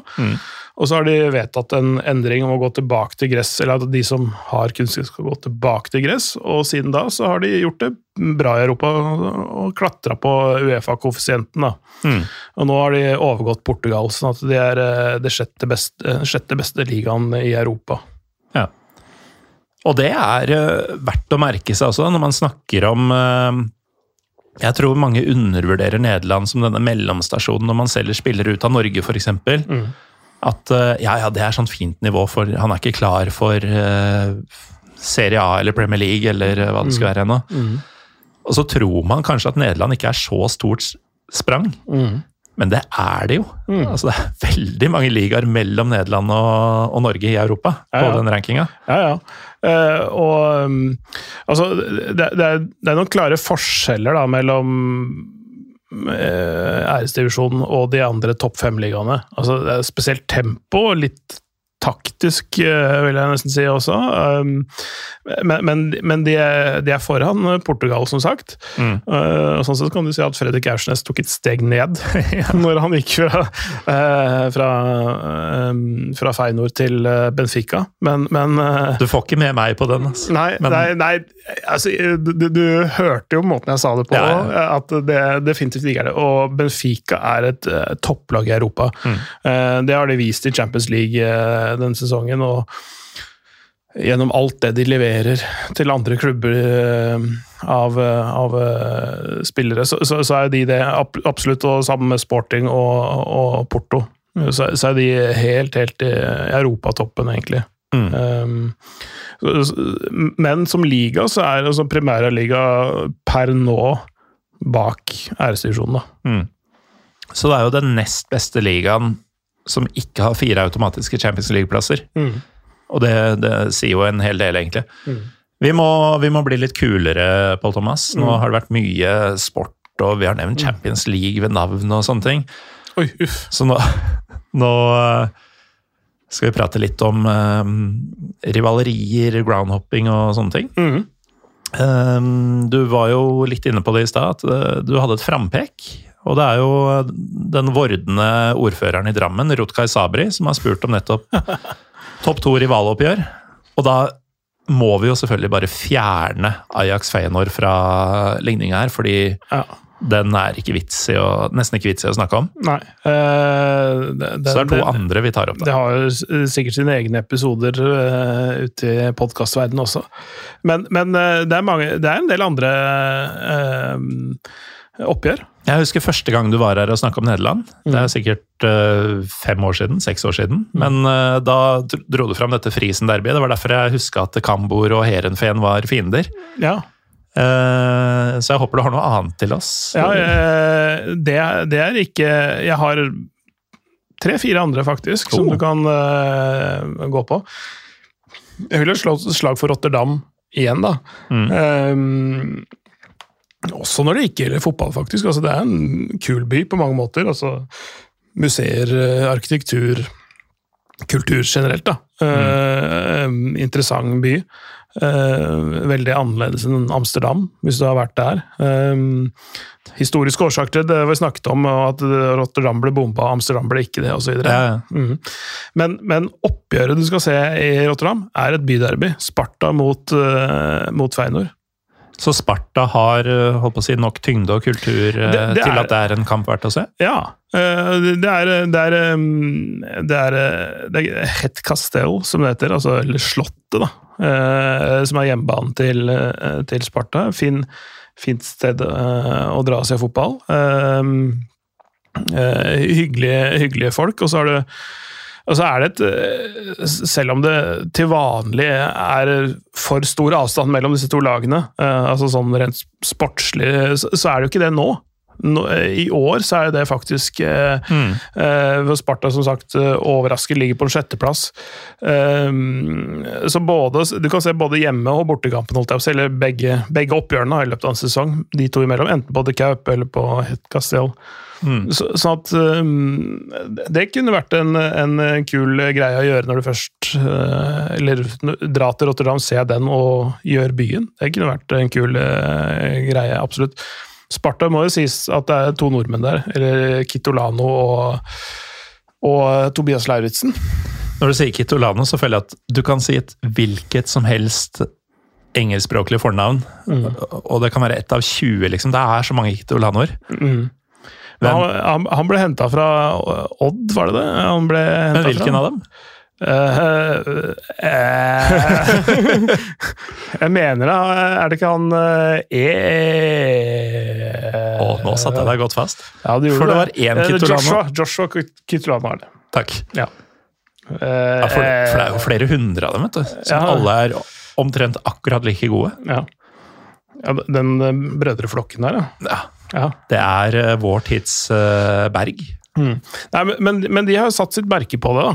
Eh, på, den, på den der eh, De har jo spilt alle kampene. Mm. Eh, Hvem blir det? Josh Kitulano og var det den eh, andre nordmannen? Altså. Tobias Lauritzen. Ja. Eh, han har skåret fem eh, fem mål, så han, er, eh, han og Vito van Croy er på topp der. De har skåret ja, til sammen. Så det er fem og seks de imellom. Eh, jeg mener han har skåret i, i cupen også, hvis jeg ikke husker helt feil. Eh, så, han eh, men, men de har jo vært en del av det der å gjøre Sparta til et, faktisk et øvre halvdellag denne sesongen. da. Mm. Det kan hende at det er forbipasserende, for alt jeg vet, men, men, men, men de pleier å være et bunnlag. eh, Hvis de er i øverste divisjon i det hele tatt. Og Skulle de holde denne sjetteplassen eller ramle ned på sjuende, så er det jo fortsatt eh, Det er vel i hvert fall kvalik til conference. altså Det er europaplasser eh, innen rekkevidde for det andre laget i Rotterdam. Altså Jeg har alltid tenkt at uh, Feyenoord er så svære i egen by at de bare er en smuler til, uh, til Sparta og eventuelt andre klubber. Men, Excelsior. blant annet, Ja. men, men det er uh, det er genuin, altså det er en egen klubb som folk bryr seg om dette her. Ja, ja, det, det, er, det, det er et eh, det er kult, eh, kult arbeid. All, alle er jo ikke uh, Feyenoord-folk i, i Rotterdam, så, så, det, det fordeler altså ja, Kall det smulene av uh, supportermengden, massen. Den uh, er strødd utover det andre. Eh, Omar Rekik spiller i Sparta. Det er vel broren til Karim Rekik. Det tror jeg. Eh, og så Jonathan de Guzman, så eh, gamle Han er sånn Også sånn fyr som man kanskje blir overraska over at ikke er eldre, uten at jeg har gått inn på Ja, han er 35 nå. Ok, men- Det er antagelig riktig alder. Men, men, han, eh, men han, han, han slo igjennom i Feinor i sin tid, og så har han tatt rundreisen med Mallorca, via Real Swansea, ja, eh, Napoli. Og så var han Mm. innom Eintracht Frankfurt, og, ja, med litt sånn småtteri innimellom. Eh, men, men han spiller her, så, så det er, en- det er, en- det er noen sånn eh, Noen unge spillere som ikke er liksom helt på Ajax PSV-nivå, men altså, Mm. er, det er bra spillere, og, og um, noen gamle helter, selvfølgelig. Um, og, og felles egentlig for, for all nederlandsk fotball, vi snakka litt om forskjell på æresdivisjonen og topp fem-ligaen, at, at det er litt mindre taktisk kanskje i, i Nederland. at det er, det er litt mindre Mer sånn ut og kjør? ja, altså, det, altså Selv bunnlag prøver å spille fotball. Det er ikke sånn som parkerer bussen. og, altså, de, de prøver å spille fin fotball, eh, også de dårlige lagene. Og det, og det gjør at det blir underholdende på en litt annen måte, kanskje. enn eh, Det blir ikke sånne eh, taktiske mind games som du kanskje kan få mellom to trenergiganter, to eh, sånne milliardkonsern av, mm. av noe fotballag. da. Som begynte taktikkeriet på en presse... Ikke en pressekonferanse engang, men på en, en uttalelse i media to uker i forveien. Ja, ikke sant? For å komme under huden på den andre og sånn. Ja, det, det, det er jo nok av banter og kommentarer hit og Ja. dit, og, og, og sånn i Nederland òg, men, men det her er, altså, det rent fotballmessig er, er litt, kanskje litt mindre kalkulert. da. Mm. Så det er jo noe, også noe morsomt å se på. Så Sparta og Feyenoord, helst med Sparta som hjemmelag, er eh, et en, eh, Ja, et rivaloppgjør Ja. som man bør få med seg. ja, det, det vil jeg si. Altså, du kan ta det på The Cap, og som sagt, få med deg The Cap før du, mm. på si, før du dør. Det, det må du gjerne. Mm. Men da forsvinner kanskje håpet om en jevnere batalje og Ja, ja det, det, kanskje. Mm. Absolutt. Kanskje. Mm. Men du hadde flere, flere kandidater her? Ja, altså, du har jo Fitesse mot eh, NEC. Nijmegen. Ja. Eh, Arnhem Nijmegen. Det er et eh, derby som kan være ganske hett, faktisk. Um, og så har du um, nå, Herakles er ute av det, men, men uh, Tvente eh, det, det, det, er ikke, det er ikke sånn lokalderby eh, per se, men det er et slags rivaleri mellom Go Ahead Eagles Mm. og, og Tvente. Det er gøy, for Eh, ja. Go Ahead Eagles det er sånn, Mm. Dem klarer jeg ikke å ta på alvor. Mm. Så lag som egentlig skulle hete Be Quick, og så ble det hetende Go Ahead istedenfor Go Ahead Eagles. Ja. Eh, men eh, nei, men den s- den som er stadion til Tvente, den, eh, den kan være litt interessant å, å se. Det er en fin stadion å se fotballkamper på. Eh, og Go Ahead er en sånn, kanskje en liten miniversjon av det dere snakket om Pollmann stadion som Herakles eh, hadde. At, at det er en sånn tett, liten, klassisk fotballstadion. da. Hvor det blir eh, bra trøkk, i hvert fall på de, i de oppgjørene. Og så og selvfølgelig Derby i nord, som er Heerenveen mot Groningen. Ja. Eh, som er, som er det, det store rivaleriet i nord. Eh, og gjerne se den uh, uh, i Heerenveen også. Da er det sånn ompeorkester som spiller den frisiske nasjonalsangen. Det er litt, litt sånn separatistakt eh, vibber der oppe, med, med den derre Hvis man ser den derre hvit og blåstripete drakta eller flagget med disse røde hjertene på mm. Du ser det ofte på skøytebanen også. Har Wilhelm Zwei også det? De har eh, noe av de samme fargene, men, ikke, nei, men de er jo fra, eh, fra Tilburg, helt sør i Nederland. Ok, Så det har ikke noe med saken å gjøre? Jeg bare mente å huske at jeg hadde sett noen røde hjerter på de hvite og blåstripete draktene deres for lenge siden. Sånn Ja. Eurogoals-alderen. Ja, det, det må nok ha vært eh, Ja, i så fall, for, det, for, det, for det, er der oppe. Det er det frisiske flagget, da. Mm. Frisland, eh, helt nord der. Og dit eh, i området går det vel ferje fra Kristiansand, Ja, tror jeg. Så du, du kan Eh. være sånn delvis klimavennlig mm, og ikke fly dit. Og, og det er jo også, Nederland er jo lite, så Ja. det kan være en del av en større tur. ja. Altså, det som er, det som er eh, snakket om eh, Tvente og, og Herakles, da, som ligger i Almelo, eller Go Ahead, som ligger i Dayfenter, eller um, ja, eh, det går an å ta fly til Düsseldorf òg, trenger ikke å ta til Amsterdam. Det er nesten like langt. Ja, Og Brussel. Ja, ja Brys Brussel, da, da kommer det sørfra. Eh, men ja, det, det er en sånn en drøy time, halvannen, med, med, med tog fra um, Düsseldorf til Eindhoven, eksempel. Mm. Eh, litt lenger til uh, Nijmegen og Arnhem, men, men, eh, men eh, hvis, altså hvis du da er i, i ror og ser fotball, og, altså Düsseldorf, Duisburg, Essen, Dortmund, Gelsenkirchen alle Mm. de, Alt som ligger i forbindelse med det. Køllen også. Det er så mye der. Ja, eh, og, og, og det er innafor en time, holdt jeg på å si, alt det der. Eh, og det samme med hvis du bare reiser vestover til Nederland. Da. Ja, og, og dette bringer meg over på eh, Marius Våge, som eh, ber om tips til beste sted for groundhopping. Og her går det an å tenke utafor boksen. For du har nevnt mange steder allerede, og du nevnte nå du kan faktisk ta utgangspunkt i et annet land, og fortsatt groundhoppe i Nederland som en del av det. Og jeg eh, nevnte jo, eller vi har vært innom Royal Antwerp eh, tidligere, jeg var jo i Antwerpen i eh, sommer. Og det ligger jo ganske midt imellom Amsterdam og Brussel.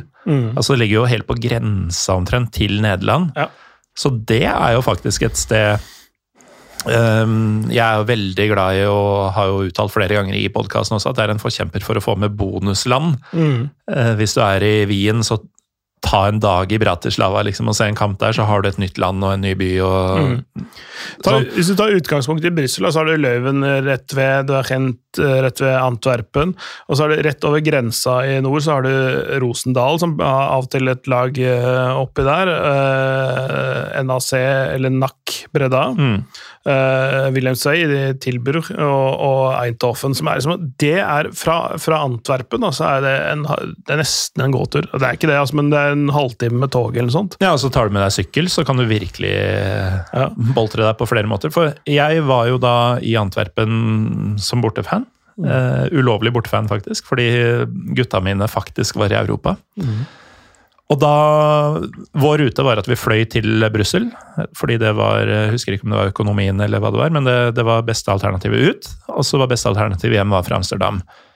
Og da lander vi i Brussel, bruker ca. en halvtime på toget derfra til Antwerp. Antwerpen, mener jeg. Klubben etter Antwerp.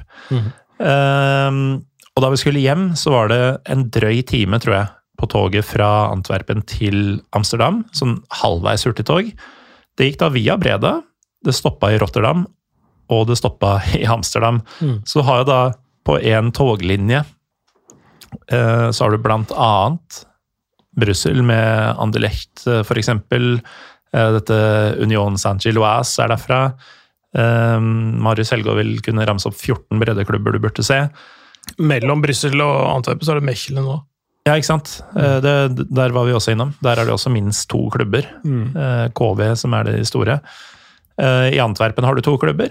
Eh, Du har et derby hvis du er heldig. Eh, Beerschot og Royal. Og så har du da Nakkbreda, som du sier. Du har opptil flere klubber i Rotterdam, og du har flere klubber i Amsterdam. Dette er da i løpet av en to timers togtur, på samme linje. Og i tillegg så kan du reise på kryss og tvers på ganske kort tid. Ja. Vår venn Hans Bressing, som er Royal Antwerp-supporter, han var jo gira da vi var og drakk øl med han i forkant av Antwerp LSK. Fordi til helga så skulle han på årets lengste bortetur i belgisk eh, fotball. To timer eller Skulle til Øpen, og det tok to timer. Ja, ikke sant? Og, og det var eh, altså det lengste han skulle reise den sesongen. Og han drar på mye matcher, altså. Han var i rasgrad i Bulgaria da det var nedstengt med korona. Han brukte en ambassadørsønn eller noe sånt til å få billett. Så um, Herlig. det er jo en fantastisk region å reise og se fotball i, og du kan teoretisk sett se fotball i fire-fem land hvis du har litt tid. Ja, ja. Du kan jo dra via Danmark, Tyskland, og så har du Benelux-landet. Du kan se en match i hvert land hvis du legger opp ruta riktig og er heldig. Mm. Så um, ja, det, var, det var mitt tips, i hvert fall. Ta utgangspunkt i Hvis du skal ground opp i uh, Nederland, ta utgangspunkt i Belgia. Ja. Eller, eller Tyskland og ror, som er så, Mm. sånn Ja. Ehm, det, altså, det finnes flere veier til Nederland, eh, Ja. si. Eh, det, det er lettest å tenke Amsterdam, men og, hvis, du, hvis, du først er, hvis du først drar til Amsterdam, da, det kan jo ta utgangspunkt i det også, så er det ikke så langt til eh, langt til eh, Haag eller Rotterdam, som er omtrent like langt unna i sør-sørvest. Eh, det er ikke langt ut til ha Harlem, hvor du kan se Telstar i, i nærheten der. Eh, Alkmaar er ikke langt unna, det er jo en god halvtime med tog unna. Altså, det, det er så mange lag. Almere City, Utrecht Altså, det er mange lag i nærheten der. Så det korte svaret her er egentlig at du kan ta utgangspunkt hvor som helst Ja. og se masse fotball. Men hvis du har tanke på sånne hyppige flyrute fra, fra Gardermoen, da, hvis, det, hvis det er det der han reiser fra, eh, så er, så er det jo Amsterdam, Düsseldorf, uh, Brussel, som er liksom hoved... eh, de store flydestinasjonene derfra. Han bor i Bergen, ser jeg, men eh, Ja. det er vel fort de samme som er hoved... Ja. Ja, så jeg tipper Amsterdam vil være lettest å komme til fra Bergen med fly. Ja, der, der går det jo direkte flights med KLM, blant annet. Vil jo tro det. Ja. Det gjør det til og med fra Sandefjord. Så Bergen kan ikke Og være dårligere. Mhm. Selv om de har ferje. Men eh, det er jo, poenget her er jo egentlig at det er så korte avstander i over flere landegrenser at eh, det er jo et groundhopping-mekka, egentlig. Altså, og når det- når jeg snakka om dis, disse lokaloppgjørene som snakket om, så, eller rivaloppgjørene, så, så tok jeg ett i nord, ett i nord, nordøst, og ett litt lenger, eh, som er liksom mer midt i, som er Arnhem, Nijmegen, og så Rotterdam, som er i sørvest. Så jeg har liksom tatt det litt over hele landet. da. Ja. Så geografisk spredd også. Bra. Og så må jeg jo si at eh, dette vet jo folk som har fulgt med en stund. Jeg var jo på denne påsketuren min eh, i 2022, hvor vi begynte i Milano og endte i Paris. Reiste med tog eh, via Lyon, eh, var innom Bergamo, var innom eh, Torino, var innom eh, Vicenza. Og fikk da med oss eh, hjemmekamper med både Lyon og Saint-Étienne, og fikk veldig mersmak på det. Så i romjula så var jeg da Vi fløy til Nis og fløy hjem fra Barcelona. Tok tog fra A til B til C til D. Og um, da vi var i Marseille, eh, som jeg endelig fikk dratt på kamp eh, med Clay det er jo, Jeg hørte jo på Marseille-episoden vår fra 2019, Ja. hvor det da ble sagt sånn Ja, dit må vi i løpet av 2019. Det blei 2022 før jeg kom meg dit, men uansett. Da tok vi jo tog eh, litt hit og dit med base i Marseille, og da var det et tog vi tok til, som vi gikk av i Avignon, fordi vi skulle til en vinlandsby, som de kaksene vi har blitt. Og det toget det skulle til Brussel. Og bare for moro skyld så sjekka vi hvor lang tid tar det egentlig med tog fra Marseille til Brussel. Fem timer og 40 minutter. Det går fort. Det går fort. Og da vi skulle mm, eh, fra Marseille til Barcelona, så hadde vi en mellomstopp i Narbonne for å bytte tog. Og da viste det seg at det toget som skulle til Barcelona, det kom fra Paris. Paris til Barcelona tror jeg tok litt over seks timer. Så du kan virkelig komme deg rundt i Europa på land, altså. Og dette er svære avstander. Nederland og Belgia er jo en mygg på kartet. Altså når du har hurtigtog som, som det er eh, tilrettelagt for, da, og muligheter for å gjøre med store passasjervolum som de har i Sentral-Europa, så, så TGV-toget i Frankrike og ja, du har høyhastighet i Spania også, så, så, så går det lynfort. Eh, tok, husker jeg tok Paris ja, Paris-Marseille eller Paris-Montpellier, jeg husker ikke hva det var, men det var fire og en halv time eller sånt. Ikke sant? Så Det er jo ingenting. Nei. Og det er, så, det er et stort land når du ser på europakartet, men det går, når, du, når du går i 300 pluss, da, så går det fort, altså. Milano-Lyon også var sånn ca. fire timer. Mm. Og da skal du gjennom Alpene. Ja, det er noen tunneler der. Mm. Nei, det, det er bare å komme seg altså nå, Trym Magner i den førjulsepisoden sin mente jo at nå kommer en ny super-korona som skal legge en enda større stopper på samfunnet enn eh, enn den forrige gjorde. Men jeg velger jo å tro at eh, vi ikke trenger å forholde oss til det i noe særlig grad i år, og tenker at eh, folk må bare booke tog, ferje, flytura sine og komme seg ut på kontinentet. en annen romeriking som har litt bedre peil på dette koronagreiene, Espen Rostrup Nakstad, han, jeg mener jeg leste at han sa vi er over toppen nå. Ja, og han er jo ikke superoptimist, eh, har vi lært å eh, forstå. Ja, han er fra Skjetten, bare så det er sagt. Han må jo få Man blir ikke optimist hvis man vokser opp på Skjetten. Nei? Nei, Sånn, sånn, sånn som meg, det. Vi har jeg holdt på å si at vi er ferdig, Clay, men det er jo én ting vi må si, som flere har lurt på. Og det er jo dette med at det er jo en Jeg vil ikke si rekordjevn, men det er en veldig jevn eh, eredivisie så langt i år. Og det er mange kamper igjen å spille, men det skiller jo da Var det fire poeng mellom de fem første? Um, hvem vinner? Ja, det, dette tipping, ja. Eh, Det, det er jeg veldig god til. Det er derfor jeg, må fortsatt, fortsatt jobbe. ja, men, men, eh, men sånn som det ser ut nå, så tror jeg PSV har solgt ut edgen sin med Gakpo. Gakpo? Ja. De hadde to kamper mot Sparta nå, både en i serien og en i cupen. De, de spilte 0-0 hjemme, og så vant de 2-1 borte i cupen, men, men, det, men det er eh, det er lite sånn kreativitet og, og altså de, de, de har et problem der, da. Med, med å ta han ut av det, av det laget, med alle, både rent tallmessig med antall mål. Han er jo fortsatt toppskårer, som du sa. Uh, Assist-konge, vel også. Um, så de har Jeg tror ikke de eh, vinner. Ajax er det for mye problemer. Jeg tror det bare kommer til å eskalere. Så Uh, du tror Feyenoord, eller? jeg tror Feyenoord vinner. Eh, og så tror jeg ikke Aset eller Tvente Altså i hvert fall ikke Tvente, um, men heller ikke Aset har, har nok til å være fire poeng bedre enn Feinor og tre poeng eller to poeng bedre enn PSV og Ajax nå, nå, nå utover. Eh, de, de, de tror ikke de har bredden. De å, alle lag her kommer til å, å avgi poeng eh, utover, så det kommer til å bli spennende. kommer kanskje til å skifte litt på rekkefølgen, men eh, jeg ser ikke bort ifra at eh, altså Feinor vinner, tror jeg. Og så tror jeg kanskje PSV tar andreplassen og Ajax tar tredjeplassen. Steike. Ja. Det er nedtur for Ajax. Ja. Men, men, men sånn, som, sånn som det ser ut nå sånn, men, men igjen, det er et overgangsvindu her nå som, som, Som er hvor et par uker av. Ja, som det kommer til å øh, bli øh, skrella litt av den Ajax-troppen. Det kommer til å hente sin nye, Mm. tror jeg. Eh, så så, fas, eller fasiten vil vi ikke få om to uker, men, men da vil bildet være litt klarere. Ja. Vi kan jo eh, kanskje ta en prat og legge ut en tweet eller noe sånt eh, når overgangsvinduet er stengt, om du står ved tipset ditt, men per nå så ser du Feinor som ligafavoritt. Det er en sånn positiv go i laget, og, og jeg, ser, jeg ser ikke at de selger øh, noen viktige spillere nå i dette vintervinduet, faktisk. Jeg, jeg, tror, øhm, jeg tror de klarer seg. Mm. Eller altså, de, de beholder plassen sin på toppen av tabellen. Desto større grunn til å prøve å få med seg Feinor enten på The Coip eller eh, som bortelag eh, på Slottet i løpet av våren som kommer.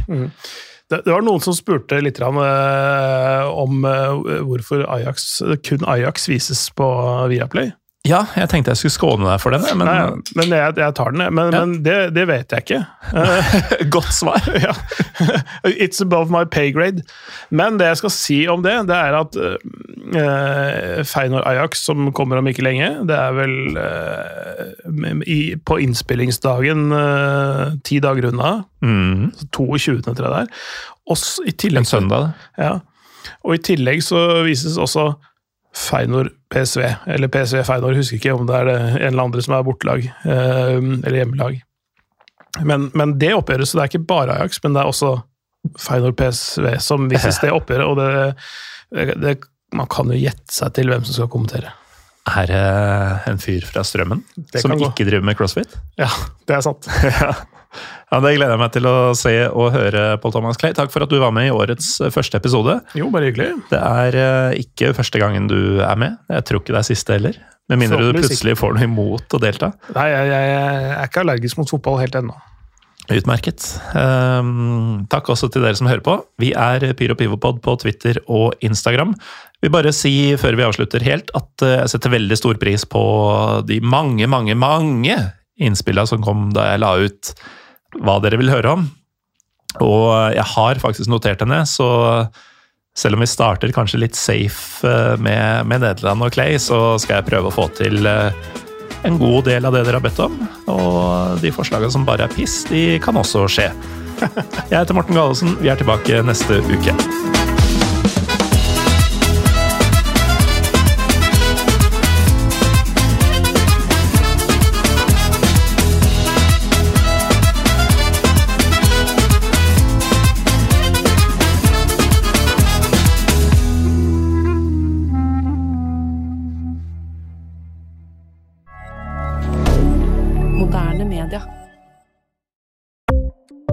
Ukens annonsør er HelloFresh.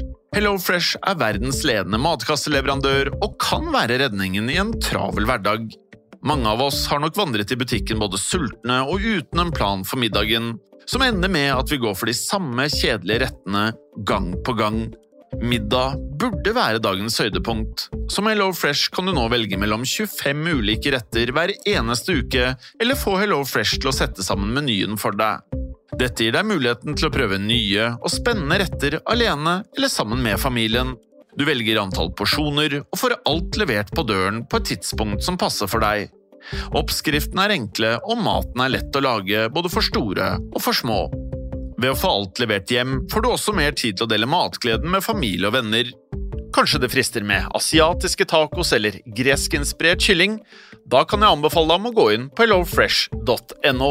Her kan du bruke koden FOTBALL og få opptil 1779 kroner i rabatt på de første fem matkastene hvis du ikke har prøvd HelloFresh tidligere. Du kan også bruke rabatten hvis du har vært kunde og stoppet abonnementet ditt for tolv måneder siden eller lengre. Gå inn på hellofresh.no og bruk koden FOTBALL. Har du et enkeltpersonforetak eller en liten bedrift? Da er du sikkert lei av å høre meg snakke om hvor enkelt det er med kvitteringer og bilag i fiken, så vi eh, gir oss her, vi. Fordi vi liker enkelt. Fiken superenkelt regnskap.